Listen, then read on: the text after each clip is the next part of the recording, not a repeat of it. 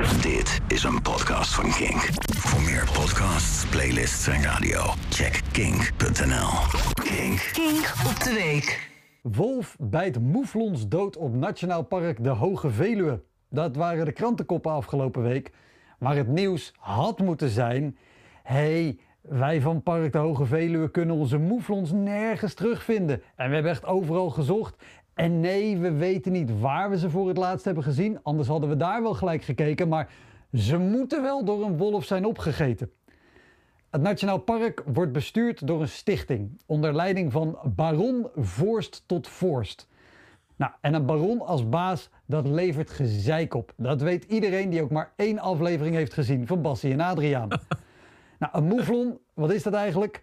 Hè, want het klinkt als iets waar de garage mij met gemak 500 euro mee aftroggelt.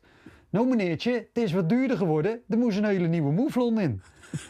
Mouflons zijn schapen met enorm grote horens. Terwijl iedereen weet, het gaat helemaal niet om de grootte van je horens, maar om wat je ermee doet. nou, die mouflons die horen niet op de Veluwe. Die zijn er meer dan 100 jaar geleden uitgezet voor de jacht. En het was dus altijd de bedoeling dat die beesten juist een niet-natuurlijke dood zouden sterven. Maar nu is er een wolf het park binnengekomen, zonder een kaartje te kopen. Nou, dat mag niet, want de Hoge Veluwe is privé-eigendom en het enige nationale park waar je voor moet betalen. Zo'n kaartje kost 11 euro en er komen jaarlijks meer dan 600.000 bezoekers. Dat is 6 miljoen per jaar. Van dat geld kan je om de 30 meter een student neerzetten die het geluid nadoet van een beer. Niet de bruine beer, maar de brakke beer. Want veel meer om een wolf tegen te houden mag je namelijk niet doen. Het is een beschermde diersoort. Overigens is het niet zeker dat die moeflons ook echt door een wolf zijn doodgebeten. Als een schaap volgens een boer is doodgebeten, dan wordt er een DNA-test gedaan. En als het zo is, dan krijgt hij van de overheid een vergoeding. Nou, die test wil de Hoge Veluwe niet. Want een jachtopziener heeft een wolf gezien, denkt hij, dus het moet wel een wolf zijn geweest.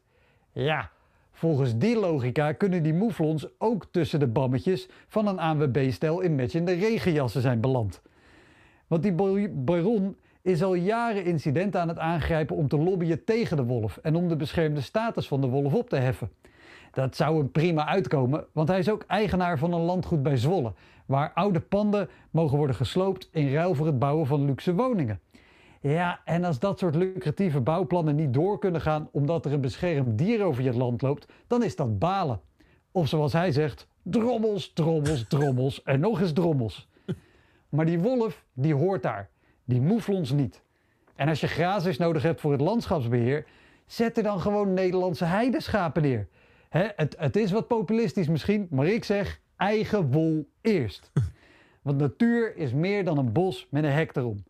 En de natuur heeft ons niet nodig, maar wij de natuur wel. Dus laat de natuur gewoon lekker zijn gang gaan. Ook als dat betekent dat er een wolf door je park loopt. Dit was een podcast van Kink. Voor meer podcasts, playlists en radio, check kink.nl.